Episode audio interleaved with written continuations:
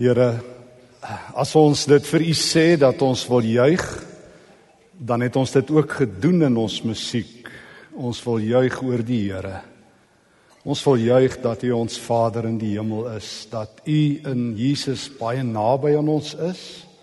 Ons wil juig dat die Gees die goeie trooster is wat ons in die volle waarheid lei.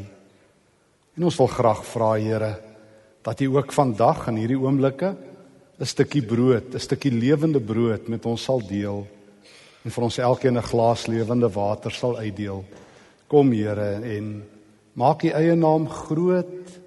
Laat U naam skitter in ons elkeen se lewe terwyl U uit die woord uit met ons praat. En mag dit gebeur Here soos daar in Lukas 24 met die mense van Emmaus dat ons harte warm word terwyl die Here uit die skrif met ons praat in die naam van Jesus. Amen. Toe Martin Luther op 31 Oktober 1517 met 'n hamer opdaag by die kerk van Wittenberg, was hy nie van plan om die kerk se deur te kom regmaak. Hy was nie die plaaslike, soos die Engelse sê, handyman nie. Hy wou die kerk se teologie kom verander. En dis dalk weer tyd vir 'n reformatie. Miskien hierdie keer 'n reformatie van taal.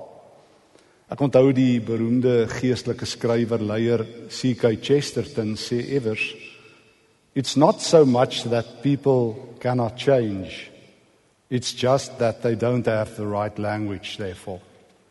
Uh Chesterton sê mense wil verander maar hulle het nie altyd die regte taal daarvoor nie. Ek het groot geword en dis miskien maar net my eie skuld en laat ek net namens myself praat. Ek het groot geword met 'n baie formalistiese taal in die kerk. Ek onthou elke elke sonoggend het ou dominee ons by die kerk gegroet met die woorde: "Welkom in die huis van die Here. U is baie welkom en ons wil u graag verwelkom." En ek onthou ek het eendag vir my ma gevra: "Ma, kruip ou dominee se vrou onder die kansel weg want dominee sê elke keer vir ons ons verwelkom u, maar ek tel net een ou op daai kansel." Dan sê sy vir my: "My kind, dis maar hoe hulle praat." Maar die dominee het nog twee ander foute gemaak. Hy het ons aangespreek as u. Maar ek het gehoor dat hy ander kere vir ons broers en susters sê. Nou ek wil jou 'n bietjie uitdaag. Sê jy nou vir jou broer of jou suster u en hulle gaan 'n klein hartaanvalletjie kry. Mense spreek nie jou familie as u aan nie, genooid en nêrens nie. So dis nie regtig familietaal nie, dis baie formalisties, maar ou dominee het nog 'n fout gemaak. Hy het gesê welkom in die huis van die Here. En ek het as 'n kind geglo die Here bly in die huis en ek was bekommerd. Ek onthou ek het 1 Desember of 1 winter het ek vir my ma gevra, "Ma, los hulle daarom die verhitter in die kerk aan vir die Here, want hy bly agter as ons huis toe gaan." Die Here bly nie in geboue nie, vriende. Die Here bly in lewende mense. Anders dan moet ons katolieke wees wat heilige geboue het. Die heiliges is nou gelowiges. Paulus begin omtrent elke brief deur gelowiges aan te spreek as heiliges. Ek het dit so bietjie as 'n eksperiment probeer 'n paar jaar gelede deur elke e-pos van my aan my vriende te begin met die woorde heilige so en so. En hulle het gedink ek's nie lekker nie, ek moet pille kry of iets. Maar ons het die term verloor. Paulus noem alle Christene heiliges, maar ons het ons het verval in formalistiese taal. Maar behalwe dit het ek agtergekom is ons almal as gelowiges se taal min of meer maar net dieselfde is die van die kerksinne. Die, die kerk spraak maar net soos die van die kerks. Die um, ons kla oor dieselfde ding. Ons kla ook oor daai oom met die Z van. Ons kla ook oor die ekonomie. Ons kla ook oor alles, maar al wat ons sê is net die Here kan ons help. 'n uh, Gemiddelde kerklike vergaderings lyk presies soos die van die kerk se vergaderings. Die enigste verskil is ons open en ons sluit af met gebed. Meeste ouens dink as jy net moet gebed geopen het van die parlement tot die kerk dan s'jy reg. Maar die Here stel belang wat intussenin gebeur. Boonbehalwe laat ons eintlik maar net soos die ander mense praat en kla en murmureer. Soos iemand daai dag vir my sê, ek sit en luister toe hy praat. Hy kla 'n hond se been af. Toe sê hy, net die Here kan ons help. Ek sê jy klink nou net soos nie Christene en dan sien jy nog 'n hopelose uitspraak oor gebed ook. Net die Here kan ons nou help. Gebed is nie die laaste linie nie, dis die eerste linie van 'n Christen, maar los dit nou daar. Maar ek het ook agtergekom nie net is uh, ons taal baie formalisties nie en praat ons eintlik maar net soos al die ander nie, dan gooi ons net so nou en dan 'n gebedswoordjie in. Maar ek het ook agtergekom dat ons dikwels rasioneel praat in plaas van relasioneel. Hoeveel keer in jou lewe het jy nie al gehoor dat mense sê as iets slegs gebeur, toe maar jy sal later verstaan. Toe maar daar's 'n doel met alles. Dis so asof Christene dink dit staan op elke tweede bladsy in die Bybel. Dis 'n rasionele antwoord. Jy praat met ouens se kop. Weet jy wat sê die Nuwe Testament? Romeine 8 vers 38 en 39. Niks kan ons skei van die liefde van God nie. So as Paulus in 'n krisis is en mense vra van Paulus, "Hoekom kry ek swaar?" dan sê hy, "Weet jy wat? Kom ek gee vir jou 'n relasionele antwoord, 'n verhoudingsantwoord. Niks kan ons skei van die liefde van God nie. So ons kort dringend nuwe taal. As jou taal nog nie verander het vandat jy 'n Christen is nie en ek praat nie van lelike taal. Dit is vanselfsprekend dat jy moet ophou om dit te gebruik nie. Ek praat van verhoudingstaal wat jy agterna leef. My geloofslewe het eers verander toe ek familietaal begin gebruik en dit glo. En nêrens kry ons dit mooier as in Johannes Evangelie nie. En ek wil jou uitnooi vir 'n paar minute saam met my te reis vanaf Johannes 5. Jesus nooi ons uit in Johannes 5 na sy fenomenale kinderjare in die ewigheid. Jesus nooi ons nie uit na 'n oorlogskamer, 'n sogenaamde war room nie. Hy nooi ons nie uit na 'n beheersentrum nie. Hy nooi ons selfs nie eens in die eerste plek uit na 'n paleis toe nie. Hy nooi ons na sy Vader se huis. Hy nooi ons na sy Vader se huis. Jesus praat oor sy Vader. Hy praat nie oor God wat in beheer is en alle mag het nie. O, dis ook waar. Moet my nie verkeerd hoor nie. Maar hy nooi ons uit na sy Vader se huis. Dit het my lewe verander.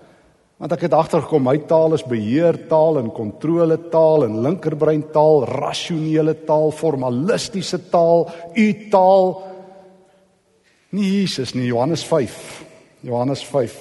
Ek lees nadat hy um, in Johannes 5 die man daar by die bad van Bethesda genees het. Die man wat jare lank verlam was op die Sabbat. Is die godsdienstige leiers so kwaad hulle kan iets oorkom. Hulle is altyd vir Jesus kwaad. Hy's nie gentle Jesus wat uh, soos wat die kinderbybel hom uitbeeld in die Jode se oë nie. En hulle teen Jesus te velde getrek Johannes 5 vers 16 omdat hy dit op 'n Sabbatdag gedoen het. Nou antwoord hy: My Vader werk tot nou toe en ek werk ook.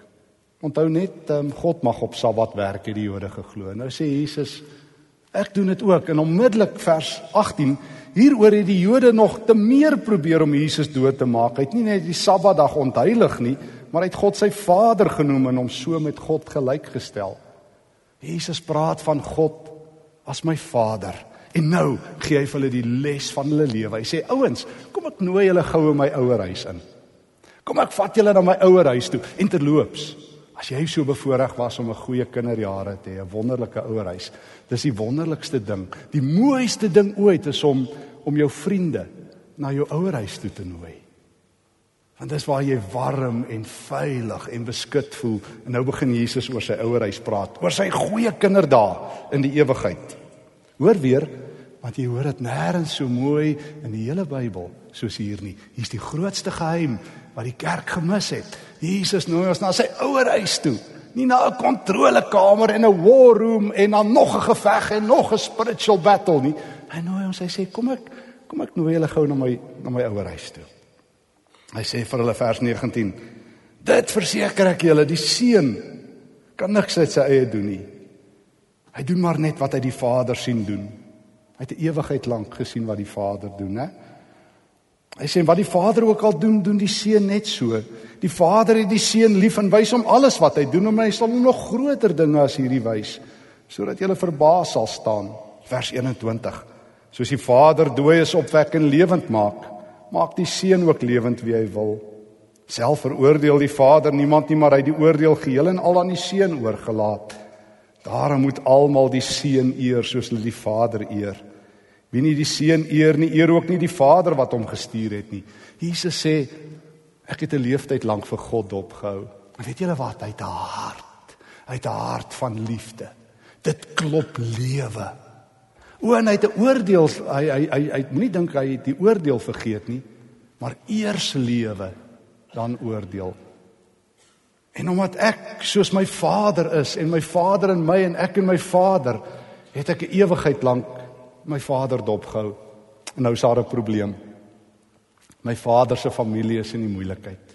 O wêreld en dit vat ons na Johannes 1 toe.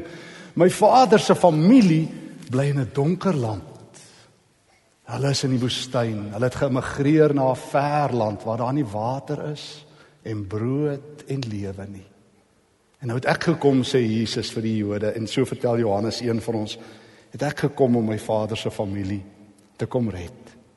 Want ek kan dit nie vat dat dat daar nie mense is wat deel is van hierdie familie nie. Jesus vertel ons net van sy wonderlike kinderjare waar hy geleer het 'n ewigheid lank dat God se hart is om lewe te gee en hy kom doen dit nie self nie. Soos jy in jou vaderhuis iets geleer het, kom doen jy dit. En daarom kom Jesus na jou en na my toe na hierdie donker wêreld toe met een boodskap. En hy kom om lewe te gee. Hoor net hoe mooi sê Johannes 1 vers 9 dit. Die ware lig wat elke mens verlig was aan die kom na die wêreld. Hy was in die wêreld, die wêreld het deur hom tot stand gekom en tog het die wêreld hom nie aangeneem of erken nie. Hy het na sy eiendom toe gekom en tog het sy eie mense hom nie aangeneem nie. Maar aan almal wat hom aangeneem het, die wat aan hom glo, het hy die reg gegee, hoor nou, om kinders van God te wees. Johannes 1 vers 12. Hulle is dit nie van nature nie, nie deur die drang van 'n mens of die besluit van 'n man nie, maar God is hulle Vader. Vers 14: Uit sy oorvloed het ons almal genade op genade ontvang. So lyk Jesus se familie, die familie waartoe hy mense uitnooi. Hy sê my Vader se huis was leeg. Daar's mense wat weggeloop het, wat hulle rug na God toe gedraai het. Hulle het terugkant eers na God toe geleef. En toe kom God se seun om God se familie te red om mense te nooi na familie toe. God wil kinders hê. Daarom daarom as jy so so die eerste Johannesbrief lees 1 Johannes 3 vers 1 seker van die mooiste woorde in die hele die hele Nuwe Testament. Kyk watter groot liefde die Vader aan ons bewys het. Hy noem ons kinders van God en ons is dit ook. 1 Johannes 3 vers 9 sê dit ehm um, Ons is gebore uit die saad van God. Ons het God se DNS binne in ons. God het ons nuut gemaak. Ons is nie maar net mense wat gepaneel klop is en hier 'n paar sonde duike uitgeslaan is nie. As jy in Jesus glo, as jy hom aanvaar het, aangeneem het, as jy jou lewe aan hom wy, is jy 'n kind van God. As jou naam in die testament van God, soos Paulus wat dit ook verstaan in Romeine 8 sê, dan is ons erfgename erfgename van God. Dan is ons deel van die grootste ewige familie in die hele heelal. En hoor wat kom deel Jesus uit? Dit wat hy sy lewe ewige lewe lank, sy kinderjare by sy Vader geleer het toe hy in die hemel was. Ons het nou dit pas gehoor Johannes 1 vers 16. Uit sy oorvloed het ons genade op genade ontvang. Dis wat Jesus uitdeel, genade op genade. Dis wat Martin Luther op 31 Oktober 1517 vir die kerk gesê het, het julle vergeet? Het julle die taal van God vergeet? Hy's 'n Vader. Hy's die Vader van genade. Sy genade oorstroom. O nee, genade is nie net verlede tyd nie. Ons is lief om oor genade te sing in verlede tyd. Genade onbeskryflik groot het U aan my bewys. Nee sê Jesus, genade onbeskryflik groot is wie ek is. Dis wat ek met jou deel. Die hemelse vloedhekke is oop, die sluise is oop. Dis wat God se familie kry. Jesus nooi ons na sy familie toe. Hy wys ons sy Vader se hart. Nee, dis nie 'n despoot nie. Dis nie 'n hemelse God met 'n rotang in sy hand nie. Dis nie 'n kwaai God wat dreig en straf en terugkry en as slegte dinge gebeur, mense so terugkry nie. Jesus het sy Vader se hart te ewigheid lank gesien en dit kom wys. Maar daar's nog 'n lid en daarom en daarom sê Jesus in Johannes 14. En dis 'n wonderlike ding van hierdie familie. Dit is 'n groot huis. Ek hoor dat uh, in Johannes 14 vers 3 dat hy vir ons sê ek gaan om vir julle plek te berei dat julle vir ewig by my kan wees. Hier's nog 'n stukkie goeie nuus. As jy deel van God se familie is, gaan nie eens die dood dit keer nie. Hy sê jy gaan vir ewig by my bly. Maar omdat ek in die kerk groot geword het deur om te dink aan die hemel as 'n plek waartoe ek moet gaan. En nie as Jesus na wie toe ek gaan en saam wie ek nou leef nie. Is ek is ek maar soos meeste Christene so bang vir die dood ek kan iets oorkom. Want as ek nou hierdie plek verlaat, gaan ek die volgende plek haal. Maar hoor nou mooi, broer en suster, so dat jy nooit weer dieselfde ongeloof het wat meeste Christene het nie, want ek is verstom. Meeste Christene wat ek ken, glo in ewige lewe, maar hulle wil glad nie gaan nie. Want as jy siek is, moet jy jou gesond bid. Die grootste wonderwerk is dat God jou red van die dood. Die grootste wonderwerk wat die Nuwe Testament van vertel is dat wanneer jy sterf, daar ook vir jou 'n huis is, 'n plek is. Daarom is Christene, daarom is die Nuwe Testament nie so beangs vir die dood soos ons nie. Want hulle weet of ek hier is of daar of deur, ek is in Jesus. En daarom sê Jesus, ek gaan vir julle plek berei en as die plek gereed is, kom haal ek julle. My Vader se huis het baie plek. Ek wil hê julle moet saam met my in my tafel sit. Het julle al jou Lukas 22 gelees waar Jesus as hy nagmaal hou saam met sy disippels net voordat hy vermoor word aan die houtkruis? Dan sê hy ek sal nie weer van hierdie brood eet as ek dit nie eet in die koninkryk van my Vader nie. En ek kan nie wag om saam met julle te eet nie. Dis so 'n familie is. Jesus nooi ons in sy familie in. Hy wys ons sy Vader se hart. Hy wys ons sy eie hart. Hy waarborg met sy eie lewe nie eers die dood sal hierdie verhouding breek tussen ons nie. Onthou jy Johannes 10 vers 28 tot 30? Ek is die goeie herder. Ek lê my lewe af vir my skape. Niemand sal hulle uit my hand uitruk nie. Jesus dra ons altyd. Dis nie net soos daai halfgebakte waarheid van die twee rye spore dat hy ons net dra as ons in 'n krisis is nie. Kyk, glo mense glo dit dat die Here jou net dra as jy 'n krisis het, dan sit hy jou neer. As die krisis verby sterkte, nou moet jy weer self loop. Jesus sê ek hou so baie van julle. Ek hou julle in my handpalm. Ek dra julle dag en nag ewigheid lank. Niemand sal julle uit my hand of uit my Vader se hand ruk nie. Julle is myne, ek hou julle aan my hart, in my handpalm. O, en daar's nog 'n lid van die familie.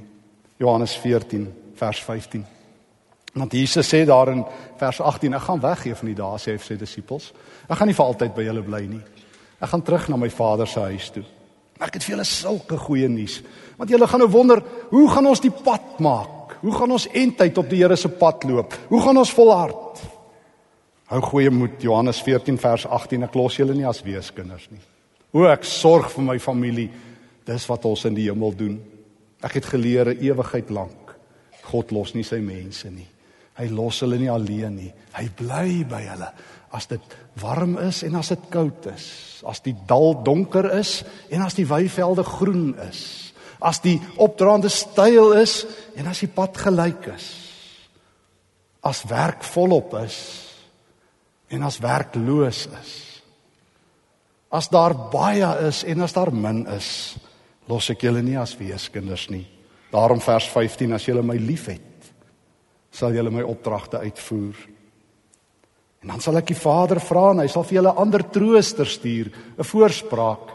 O, daai woord parakletos in Grieks het so baie betekenisse trooster, voorspraak, helper, advokaat, verdediger, trane afdroger. Jy noem dit en dis die Heilige Gees om vir ewig by julle te wees, om vir ewig by julle te wees. Hoe het ons die Heilige Gees in die kerk nie versnipper nie? Tot jy moet eers 'n vreemde taal praat, jy moet eers daai wonderwerke doen en het jy die Gees hoeveel o nee in Jesus se familie nie, hy gee sy Gees vir almal wat glo in Jesus. En hy bly vir altyd. In die Ou Testament het die Gees nog weggegaan as jy hom bedroef. Hy sal vir ewig by julle bly. Hoor die woord van die Here, die trooswoord van die Nuwe Testament. Ek sal my Vader vra en ek sal my Gees vir ewig gee aan al my kinders. Naamlik die Gees van die waarheid. Die wêreld kan hom nie ontvang nie omdat hulle hom nie sien nie en hom nie ken nie, maar julle ken hom omdat hy by julle bly en in julle sal wees. Welkom in my familie, welkom in my wêreld. Immigreer uit julle wêreld uit. Gee pad uit julle wêreld uit. Julle wêreld se taal gaan julle doodmaak. Dis hopelose taal. Die opskrifte wat julle koerante wen, is die opskrifte van moedeloosheid en bedruktheid. Julle formalistiese taal wat julle alles met julle koppe wil uitredeneer of waar julle mekaar so op 'n afstand hou, vergeet daarvan. Ek nooi julle in my huis in. Ek wys julle my Vader se hart van ewigheid af gee hy lewe. Ja, hy gee ook vir my die oordeel en hy sê wie in my glo, het ewige lewe. Johannes 3 vers 16, maar ook Johannes 3 vers 17, wie nie glo nie is klaar veroordeel. So ek het die sleutels en ek gee dit vir julle en ek sê as jy in my glo, as jy my kind en nooi ek jou my familie in. In die familie waar daar genade op genade is. Waar daar 'n ewigheidse lewe is. Ek nooi jou in my familie in sê Jesus waar die Heilige Gees by julle is. Wat julle in die waarheid sal lei. Hoekom dan so moedeloos? Hoekom dan so hooploos? Miskien omdat ons nie die taal van familie verstaan nie.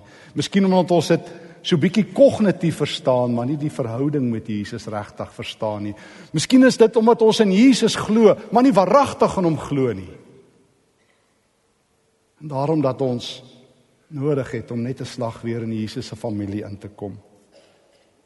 En nêrens word hierdie familie mooier en duideliker en helderder as in Johannes 17 nie. Oeg, die grootste gebed wat ooit in die heelal gebid is, is nie die ons Vader nie, mag ek dit sê, dit is Mag vergun my net die oomblik terwyl ons saam met Johannes is, saam met die ons Vader, die groot gebed van Jesus Johannes 17.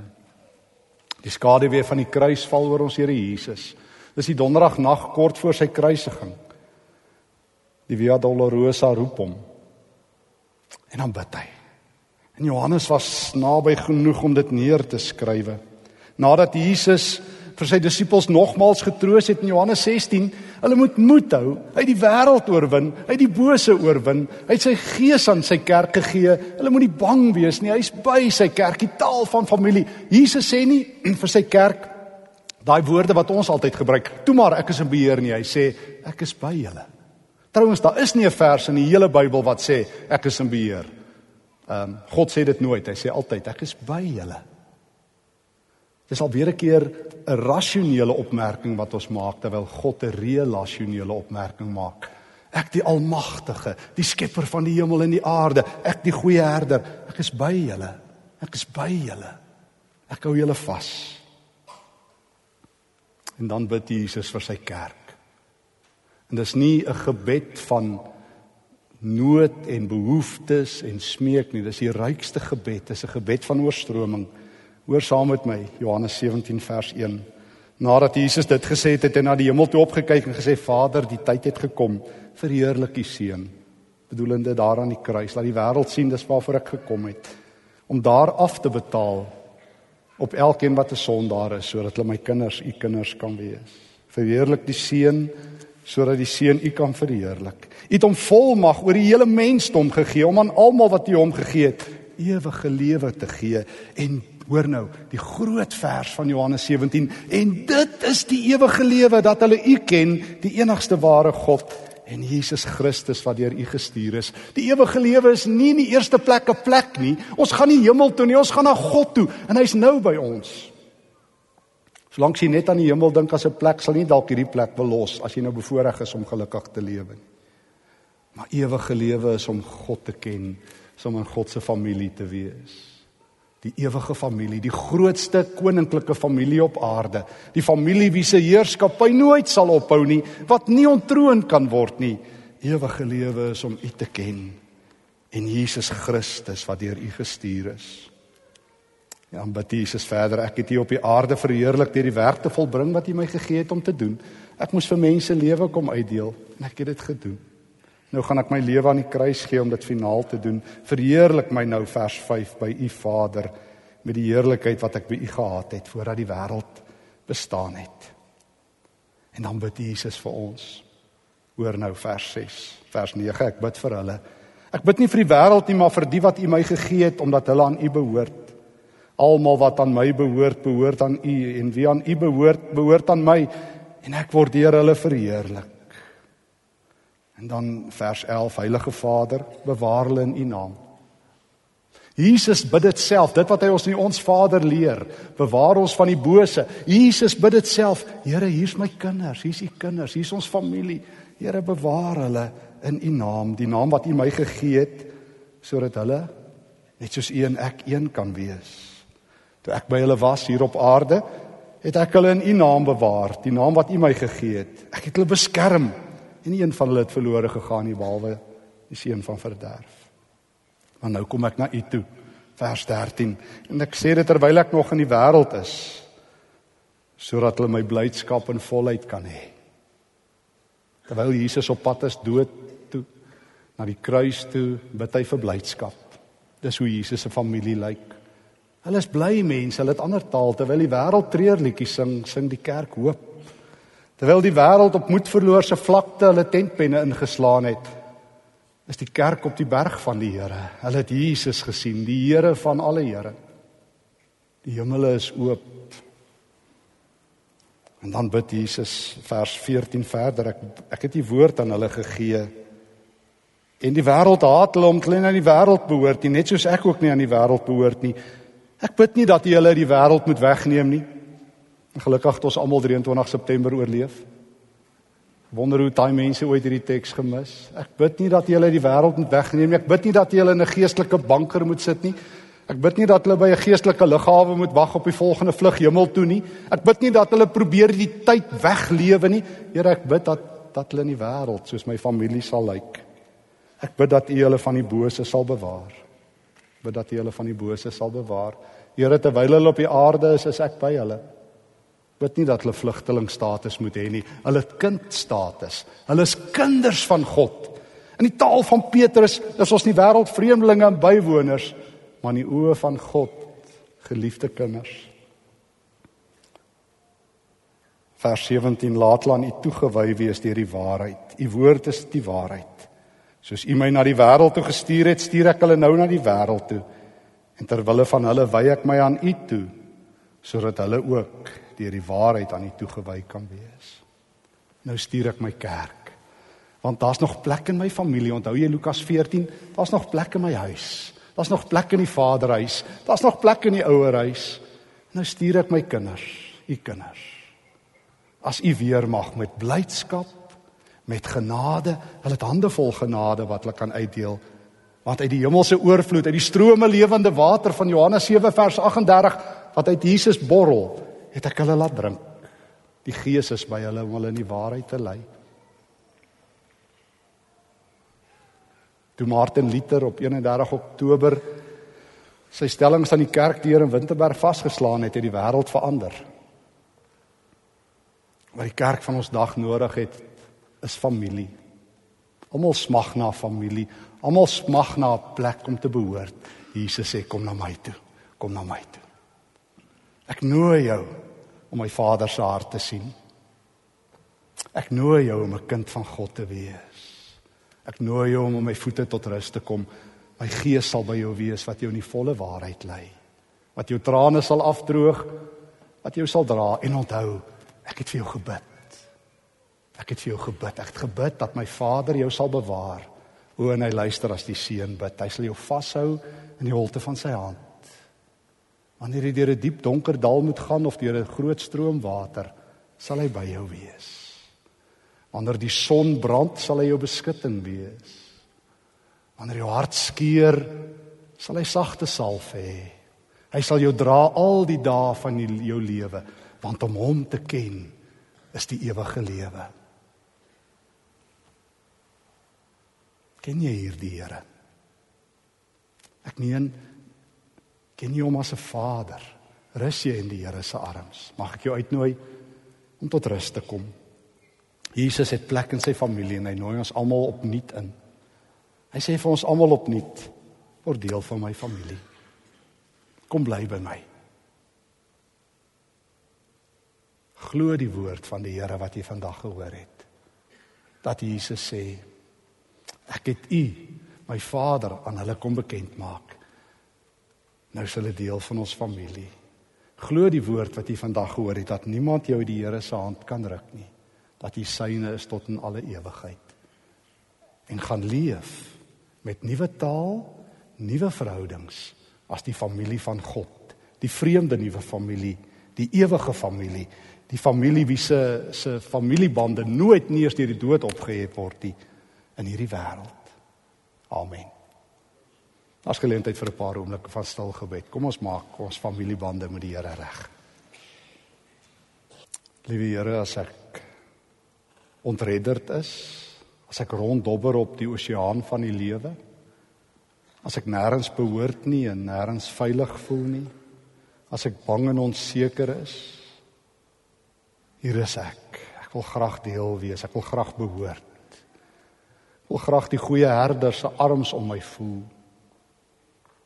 Die sagte hand van die hemelse trooster, u Gees. Die liefdevolle blik van ons Vader in die hemel. Neem die oordeel van my af weg. Ek hou vas aan u Jesus. Maak my opnuut of by herhaling bevestig dit aan my dat ek u kind is. En dankie Here Jesus dat u vir my gebid het. En dat u gebed verhoor is. Here terwyl ek in die wêreld is, bewaar my van die bose as ek dit weer mag vra. Here as ek in hierdie wêreld is, maak my oog oop om om hierdie familiebande uit te brei soos wat u gebid het.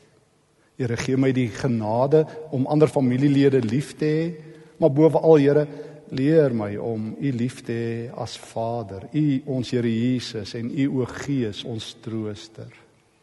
Leer my om tot rus te kom, tot bedaring.